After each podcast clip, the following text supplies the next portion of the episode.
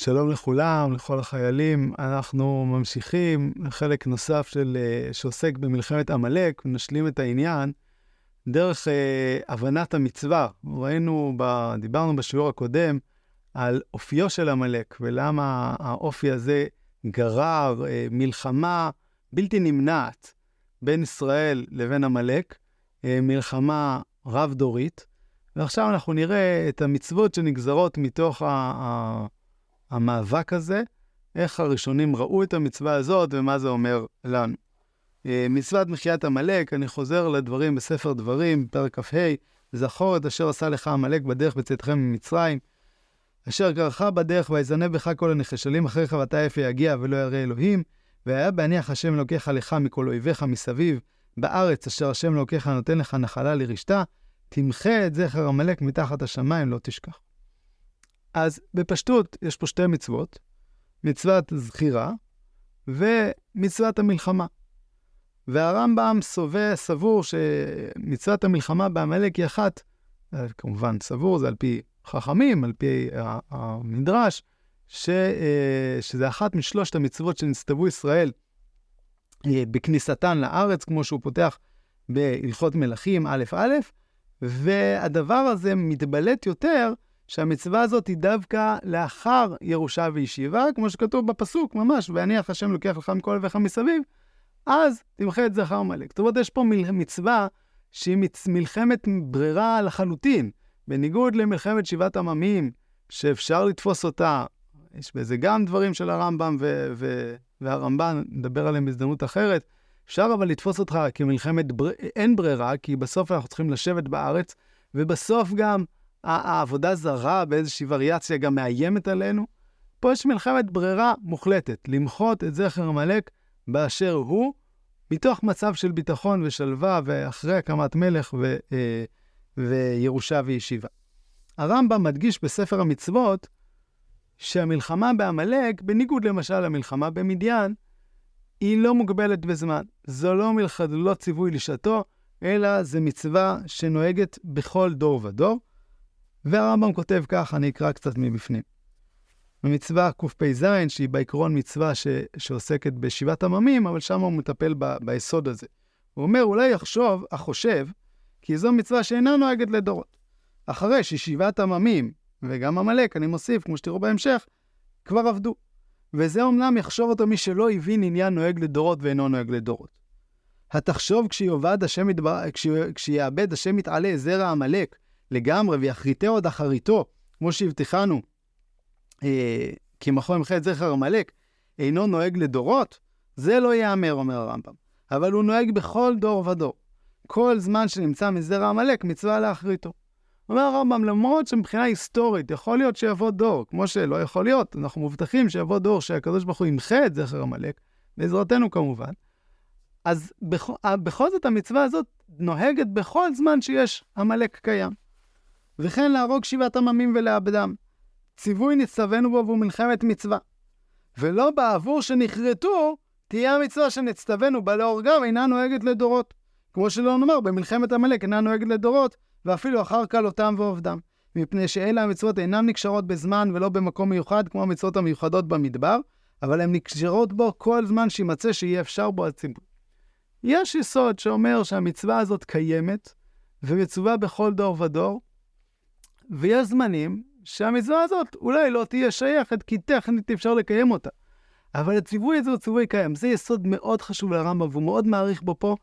אני חושב שזה קשור לזה שהרמב"ם, חלק גדול מטעמי המצוות שלו, לא הרוב כמובן, אבל חלק גדול, אה, הם טעמים היסטוריים. כן, לא תתגודדו. היום, מה זה, למה לא תתגודדו? הרמב"ם נוקט שאותה גדידה זוהתה עם עבודה זרה. מי היום יודע שגדידה הייתה מזוהה עם עבודה זרה. ועם כל זה, המצווה הזאת היא מצווה לדורות, היא לא מצווה היסטורית, היא מצווה על-היסטורית. למה? כי הרמב"ם אומר, העיקרון של המלחמה בעבודה זרה הוא עיקרון שהוא קיים תמיד. זה שבמקרה עכשיו אין עובדי עבודה זרה שמתגודדים, בסדר, זה שבמקרה עכשיו אין עמלק להרוג, המצווה הזאת היא מצווה היסטורית לתמיד. ויותר מזה אומר הרמב"ם, המצווה הזאת היא לא רק מצווה לצ... טוב, פה, פה, האמת שפה יש איזושהי סתירה ברמב"ם. הרמב"ם בסוף מניין העשים כותב שמצוות מלחמת עמלק היא חובה לכל הציבור. כאשר תתבונן בכל המצוות האלה שקם זכרן, מ... אה, אה, פה איזה מילה שאני לא מבין, אה, יוצא מהן שהן חובה לציבור, תמצא מהם הכוונה, תמצא מהם שהן חובה לציבור, לא לכל יחיד ויחיד, כגון בניין בית הבחירה והקמת מלך והחרטת זרע עמלק. הרמב"ם מונה את מצוות עמלק כמצווה שחלה על הציבור ולא על כל פרט ופרט. מאידך גיסא בספר המצוות, במשנה, במשנה תורה, בהלכות, והפרשנים עמדו על זה, הרמב"ם כותב שבניגוד לשבעת עממים, שלגביהם הוא פסק שהחו... אה, אה, שכל מי שבא לידו אחד מהם ולא הרגו, עובר בלא תעשה, שנאמר לא תחיה כל נשמה. ב- לגבי עמלק, לא ברור אם הרמב"ם סובר כך או לא. האם יש עמלקי שעומד ליד בור ואני צריך לדחוף אותו לבור? יש כאלה שראו שבזה סתירה, יש כאלה שאמרו, לא, המצווה על כל אחד ואחד היא מתייחסת רק לשבעת העמים ולא לעמלק. דיוק נוסף שדייקו אה, שאפשר להבחין בין שבעת עמים לעמלק, דייק אותו הרב משה סולובייצ'יק, זה אביו של הגריד, זה מופיע בכל דודי דופק, בהערה 23. הגריד מביא בשם אביו, שבגלל שהרמב"ם לא כתב בפירוש לגבי עמלק שאבד זכרם, אמ, זה לא תלוי, מצוות מחיית עמלק לא תלויה באיזשהו אתנוס מסוים, באיזשהו עם אה, ביולוגי מסוים. מצוות שבעת עממים כן, והיא גם חלה על כל יחיד ויחיד. אבל מצוות עמלק שהיא חלה על הציבור מתייחסת לכל אויב הנקרא כי כל אומה מתנכרת לכלות ישראל הופכת על פי ההלכה עמלק. אם יש, והוא מביא שם כמובן כדוגמה את, ה, את ה, אה, אה, אה, גרמניה הנאצית, שקמה על ישראל לכלותם, והיא הופכת להיות עמלק של אותו דור. לא מצאנו לרב סולובייצ'יק חבר בעניין הזה להלכה, מלבד המקור המאוד uh, מסוים הזה. יותר מזה, כמו שראינו בספר המצוות, ברור שהרמב"ם סבור ש... שאבד זכרם של עמלק, ולא ניתן לקיים את המצווה הזאת, ולכן הוא צריך להדגיש שזה בכל זאת מצווה לדורות, למרות שאי אפשר לקיים אותה. אז הלכה למעשה, אנחנו לא אה, אה, מגדירים את אויבי ישראל שקמים אלינו לכלותנו כמלחמת מצווה מכוח מלחמת עמלק. ועם כל זה, אני חושב שיש לדברים של הרב משה סולובייצ'יק יסוד עמוק להישען עליו. למה זה קשור? זה קשור למחלוקת אה, איך להבין בדיוק את היחס בין מצוות זכירה לבין המלחמה. הספר החינוך כותב במצוות תר"ג ש... שהיחס בין המצוות הוא שהזכירה אמורה להביא למלחמה. הוא מתאר, נסתבר לזכור מה שעשה לעמלק, ואז הוא מביא את המדרש של אמבטי החמה, שעמלק קיררו אותה, ומשורשי המצווה לתת לליבנו שכל המצר לישראל שנוא לפני השם יתברך, ואז הוא מסיים, נוהגת מצווה זו בכל מקום ובכל זמן, והוא מחדש, ובזכרים, כי להם לעשות המלחמה ונקמת האויב, לא לנשים. מצוות זכירת עמלק לדעת ספר החינוך היא לגברים בלבד, אני לא אה, מכיר מקור לחינוך הזה, זה סברה מדעת עצמו, שבגלל שהזכירה קשורה למלחמה, ומלחמה היא בגברים, נשים פטורות. מנחת חינוך, כמובן, על המקום, מקשה על הדבר הזה, אומר, א', לא מצינו שמישהו חילק כזה, הרמב"ם לא חילק בין גברים לבין נשים בזה. וחוץ מזה, הוא אומר, אני אקרא, אה, ש... שהעובדה שהחינוך תלה את הזכירה בלחימה, היא לא פשוטה. מי עמד בסוד השם יתברך אם אתה מחמת הנקמה? אפשר שגזירת הכתוב שנזכור שנאתו מאיזה טעם? ואנו אינו יודעים. ואפשר אף בביאת משיח, משיח, משיחנו שיכרת עמלק מכל מקור, ולא יהיה להם זכר, מכל מקום הזכירה תהיה תמיד. אומר אה, המלכת חינוך, יכול להיות שאין קשר בין מצוות הזכירה, לא קשר ישיר, לא קשר פונקציונלי, בין מצוות הזכירה לבין זכירת המלחמה. וגם אחרי שהם עובדים ואי אפשר כבר להילחם בהם, עדיין צריך לזכור אותם. כך משמע בפשטות מהרמב"ם. הרמב"ם במצווה קפ"ח כותב, שהמצווה קפ"ח שציוונו להחריד זרע עמלק, ומצווה קפ"ט שציוונו לזכור מה שעשה לנו עמלק. הרמב"ם משנה מסדר הכתוב. בסדר הכתוב שקראנו, כל אומרים זכור, ואחר כך כתוב למחות את זכר עמלק, והרמב"ם הופך. זה שהרמב"ם הופך, ברור שכוונתו אה, להדגיש שמצוות הזכירה היא מצווה שעומדת לעצמה. אגב, חוץ מהמצווה הזאת, אין לרמב"ם מצוות של זכירה בכלל.